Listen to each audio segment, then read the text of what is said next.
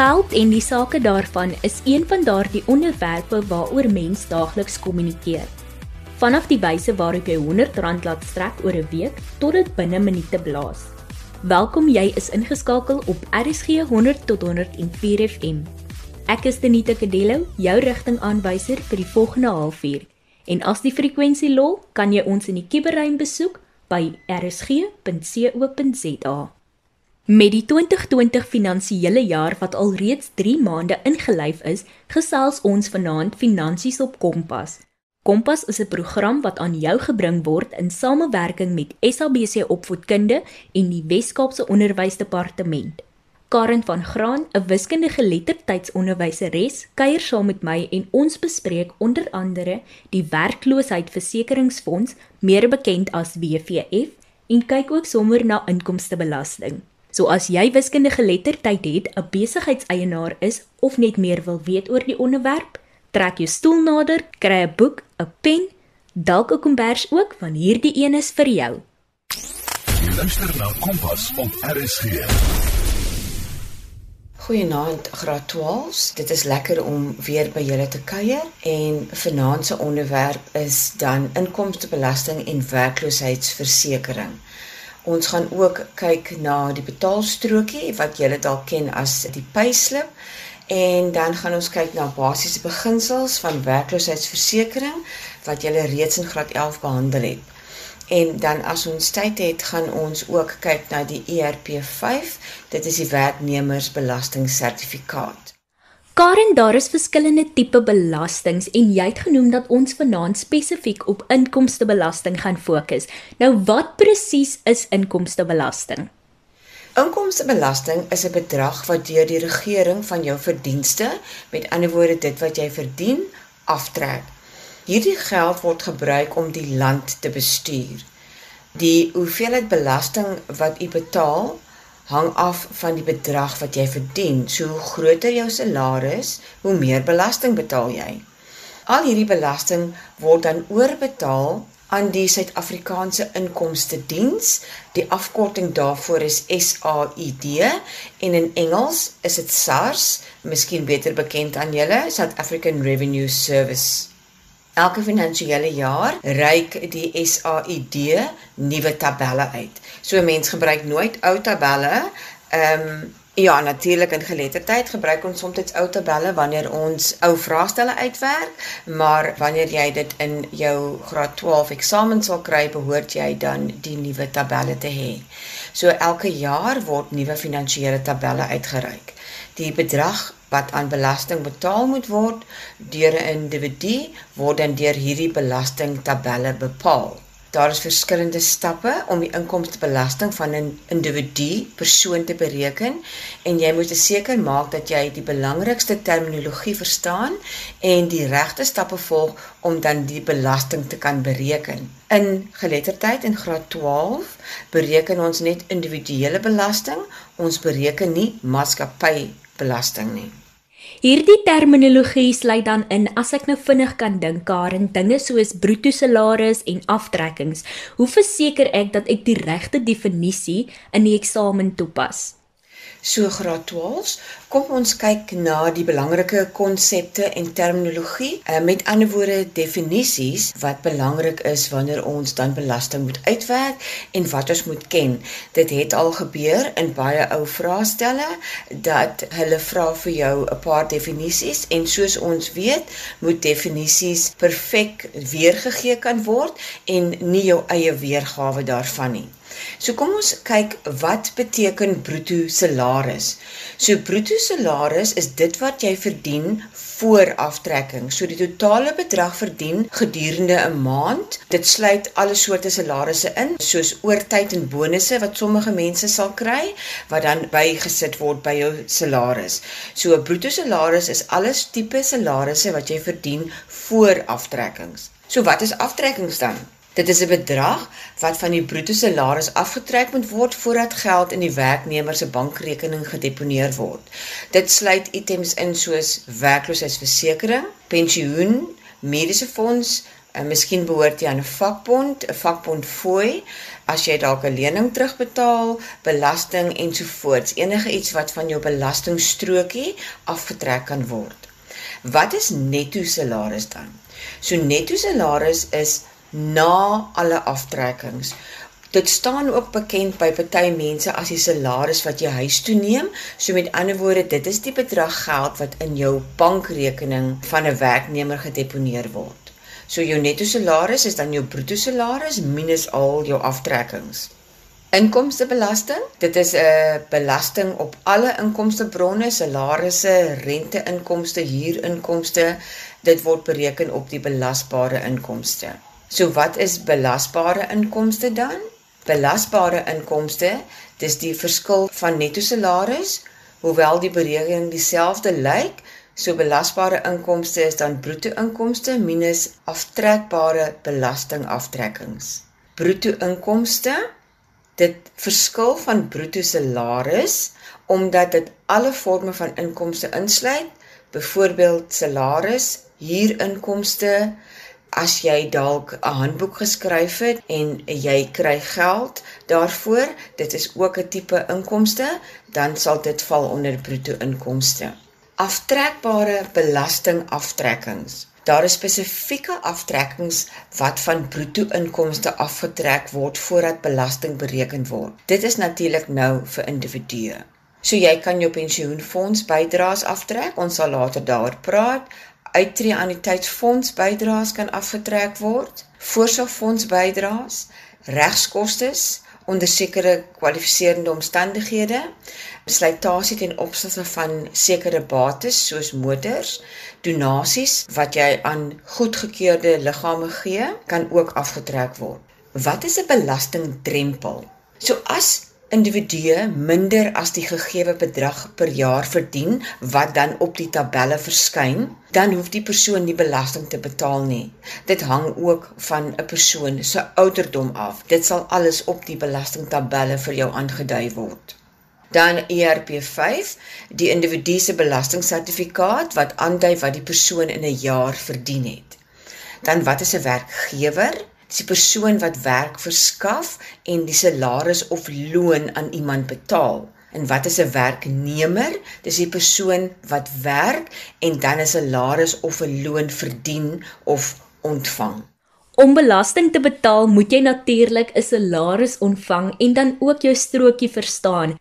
Ons gaan nou gesels oor salarisstrokies, die aftrekkings op die salarisstrokie en dan die belasting op die salarisstrokie. Dit is vir my belangrik dat voordat ons belasting uitwerk, dat 'n mens eintlik eers 'n salarisstrokie moet verstaan. Op 'n salarisstrokie sal dan aangedui word al jou inkomste almal bymekaar en dan op 'n ander plek op 'n salarisstrokie sal aangedui word al jou aftrekkings.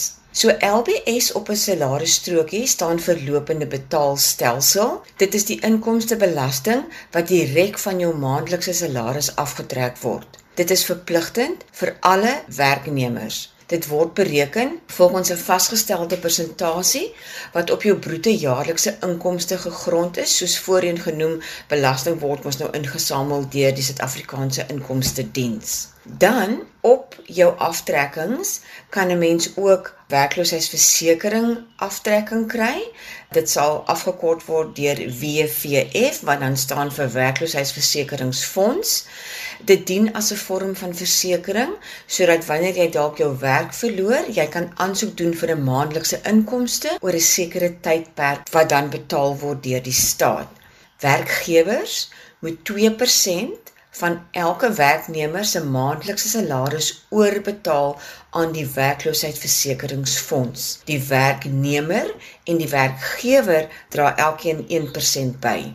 Jy mag dalk lid wees van 'n pensioenfonds of 'n mediese hulpfonds as jou werkgewer die voordele aan jou bied. Vir my is dit belangrik dat ons dan eers 'n bietjie gaan stil staan by 'n salarisstrokie, want op jou salarisstrokie soos ons nou verduidelik het, gaan jy 'n LBS aftrekking hê.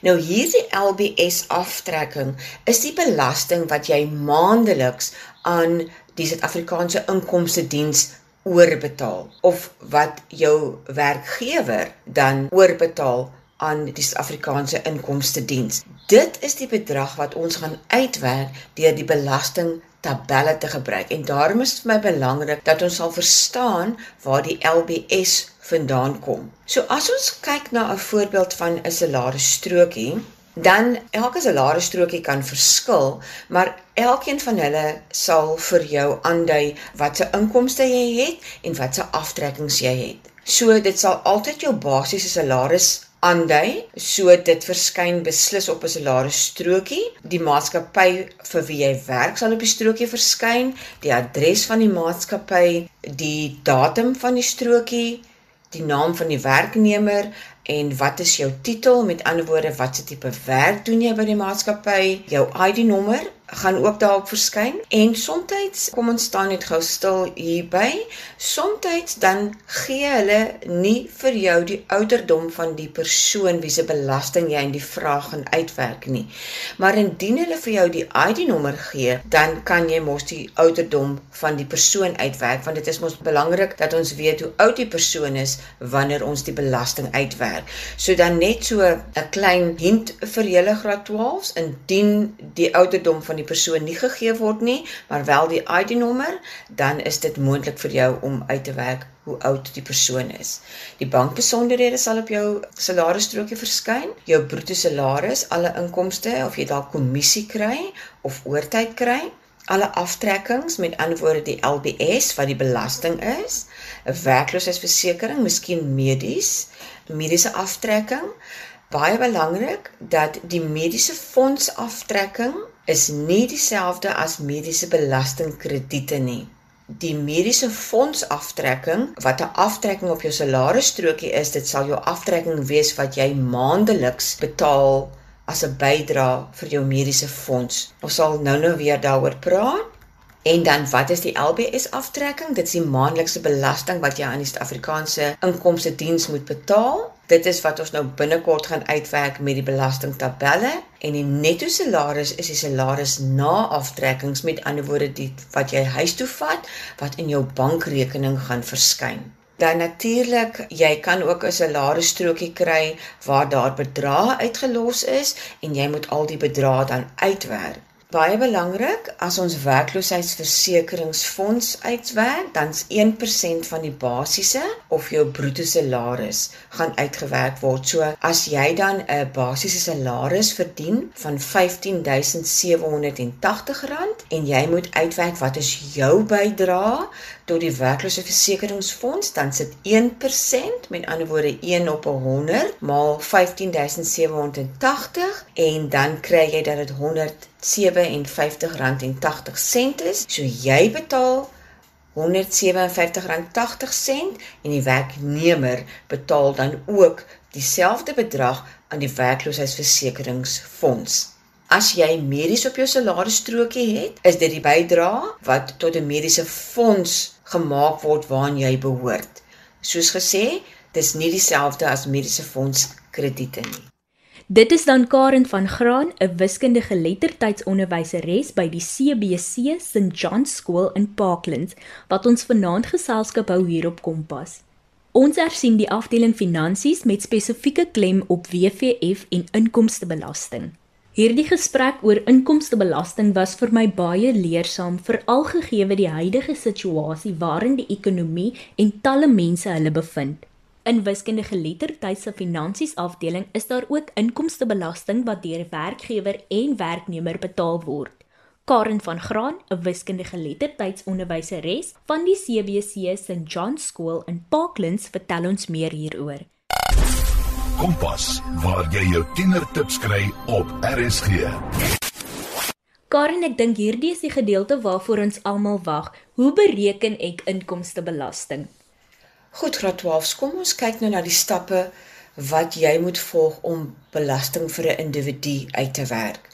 Voor ons met die uitwerk van belasting begin, moet jy net onthou dat alle bedrae in die belastingtabelle is jaarliks, met ander woorde vir 12 maande. So ons begin dan by die bruto netto salaris. So dit is die totale bedrag van al die individu se inkomste voor aftrekkings.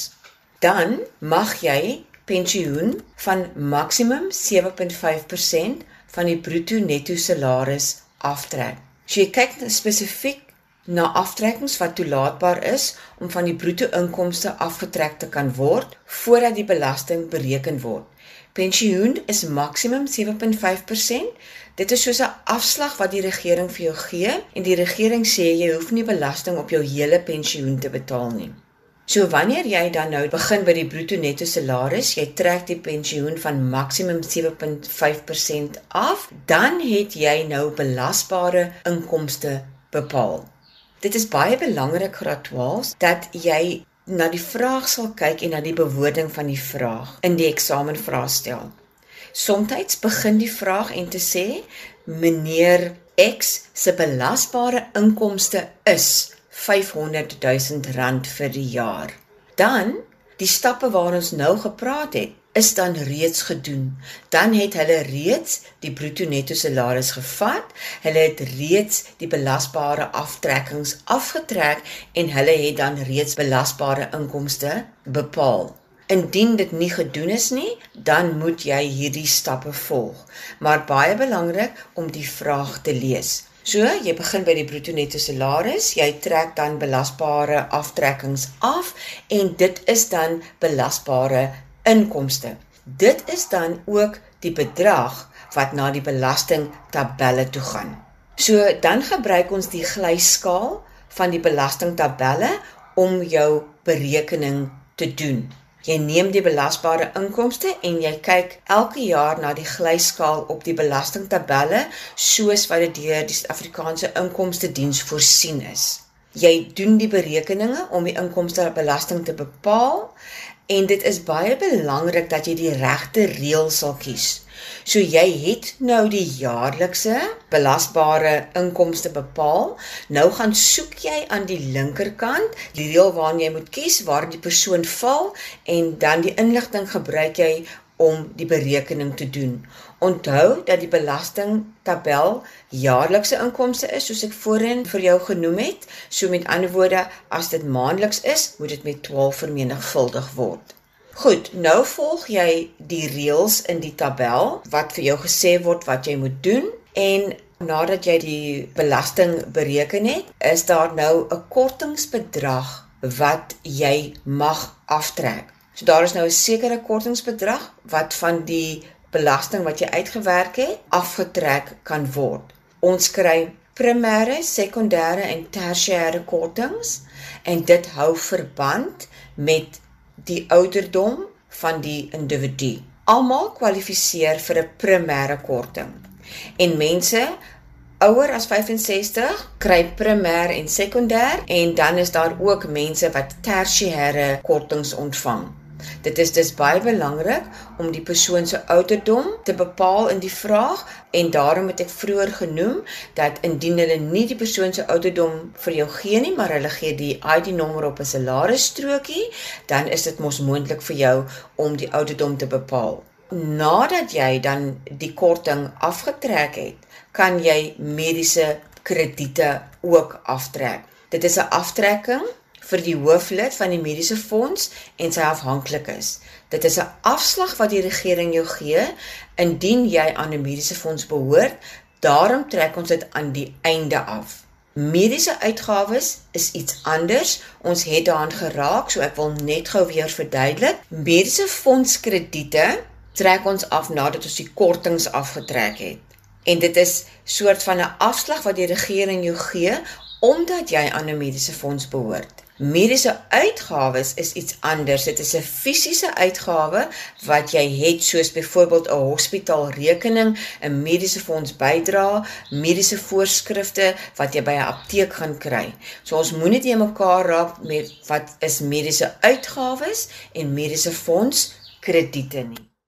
Sjoe, dis omtrent 'n mondvol Karen. Kan ek namens Matriekklas 2020 vir 'n kort opsomming vra?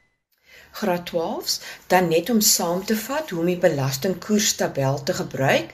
Nommer 1, maak seker dat jy die jaarlikse belasbare inkomste het. Met ander woorde, die bruto inkomste minus die belasbare aftrekkings wat dan vir jou die jaarlikse belasbare inkomste gaan gee.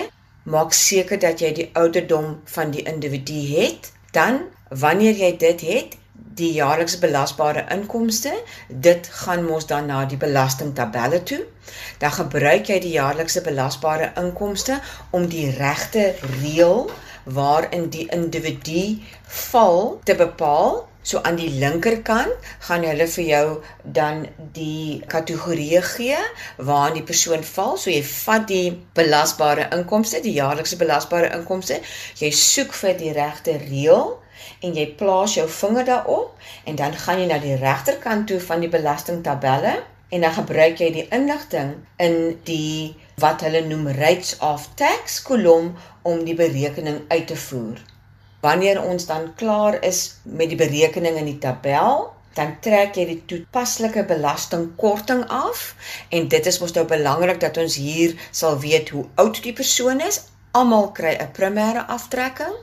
'n Sekondêre aftrekking is dan vir mense vir 65 jaar en ouer en tersiêre korting is dan vir mense 75 jaar en ouer. So onthou, as jy 65 is, dan kan jy twee aftrekkings kry. En as jy 75 en ouer is, kan jy dan drie aftrekkings kry. Goed, so nou het jy dan uitgewerk 'n individu se jaarlikse salaris wat aan SARS betaal moet word. So indien hulle vir jou vra om uit te werk die maandelikse salaris met ander woorde graad 12 daai LBS aftrekking op jou salarisstrokie, dan vat jy net die jaarlikse belasting en jy deel dit deur 12. Dit is dan jou LBS aftrekking op jou salarisstrokie. Baie dankie Karen. Ek dink nou dat ons die terminologie onder die knie het, is dit tyd om aan te beweeg na 'n paar voorbeeldvrae. Goed graad 12. So kom ons kyk dan na 'n vraag wat in 'n ou vraestel verskyn het. Die vraag lees: Pieter is 'n verkoopsman. Hy is 37 jaar oud en verdien 'n maandelikse bruto salaris van R32750. Bereken sy maandelikse inkomstebelasting. Pieter behoort nie aan 'n mediese fonds of aan 'n pensioenfonds nie. Goed, so ons het redelik baie inligting gekry en dan gee hulle vir ons nou die belastingtabelle. So die eerste ding wat belangrik is wat ons hier moet oplet is, ons het sy ouderdom wat belangrik is wanneer ons by die kortings gaan uitkom en dan het ons sy maandelikse bruto salaris. Goed, so hulle het vir ons gesê hy behoort nie aan 'n mediese fonds nie, so ons gaan nie die mediese fonds aftrekking doen nie. Maar wat belangrik is om te onthou hier is dat dit is 'n maandelikse bruto salaris en die belastingtabelle werk net op jaarlikse getalle. So met ander woorde die R32750 moet ons dan met 12 maal. Dit gee vir ons R393 vir die jaar. Nou wat ons nou moet doen is, ons moet nou die belasbare inkomste reël gaan soek waar hierdie persoon inval. Daarom aan die linkerkant het ons die belasbare inkomste reël. So ons gaan soek in watter reël, daar's gewoonlik 7. Ons gaan soek in watter een hy pas, dan sit jy jou vinger op daai reël nadat jy die plekkie gekry het in watter reël hy pas. Dan beweeg jy na die regterkant wat die belastingkoers tabel is en dan doen jy presies wat hulle vir jou sê in daardie belastingkoers tabel. Goed. Dan as jy dit klaar uitgewerk het, dan mag ons mos nou die belasting betaalbaar vat. Met ander woorde, dit is mos nou die belasting wat Pieter, die verkoopsman, moet betaal wat ons mos dan nou uitwerk. Wat ons dan doen is, ons vat die belasting betaalbaar en ons minus 'n primêre korting. Hoekom 'n primêre korting? Want Pieter is net 37 jaar oud, so Pieter mag dan net die primêre korting kry. Wanneer ons dan dit gedoen het, kry ons 'n bedrag belasting wat Pieter jaarliks, sy jaarlikse inkomstebelasting wat hy moet betaal. Hoekom trek ons nie nou belastingkrediete af nie? Want hulle het vir ons in die vraag aan die bokant gesê dat Pieter behoort nie aan 'n pensioenfonds nie. Hy behoort ook nie aan 'n mediese fonds nie. So daarom die bedrag wat ons gekry het wat ons na die belastingtabelle toe gevat het, is dan sy jaarlikse inkomstebelasting minus sy primêre korting en dan vat ons daardie bedrag en ons deel dit deur 12. Hoekom deel ons hom deur 12? Want die aanvanklike vraag het vir ons gevra bereken Pieter se maandelikse inkomste belasting. En dan sal jy die bedrag kry wat dan op sy salarisstrokie as LBS sal verskyn. As ek net weer vir julle 'n bietjie raad kan gee, is belangrik om ou vraestelle uit te werk veral met belasting om te kyk hoe hulle vir jou die vraag van belasting in 'n vraestel 1 en in 'n vraestel 2 vra. Dis bitter belangrik om die terminologie en die definisies te leer. So ja, graad 12, alle voorspoed met julle studies vir die derde kwartaal en onthou, motiveer maar mekaar. Dit is maar hoe ons positief bly. Luister na Kompas op RSG. Dit bring dan Karen van Graan, 'n wiskundige lettertydsonderwyseres van die CBC St John School in Parklands, se kuier saam met my tot 'n einde. Nie net het Karen die deur tot WVF oopgemaak nie, maar ook haar kennis oor inkomstebelasting met ons gedeel. En daarmee groet ek ook. Indien jy enige iets in vanaand se program gemis het of net weer daarna wil luister, kan jy dit afhaal op rsg.co.za. Klik op die potgooi skakel en soek onder Kana Kompas. Kompas word aan jou gebring in samewerking met SABC Opvoedkunde en die Wes-Kaapse Onderwysdepartement. Percy Mogale was ons regisseur en die program is ook voltooi onder leiding van Sharifa Swarts. Ek en jy kuier en klets weer môre aand saam, dieselfde frekwensie, verskillende onderwerp van my Tenita Kadelo. Totsiens.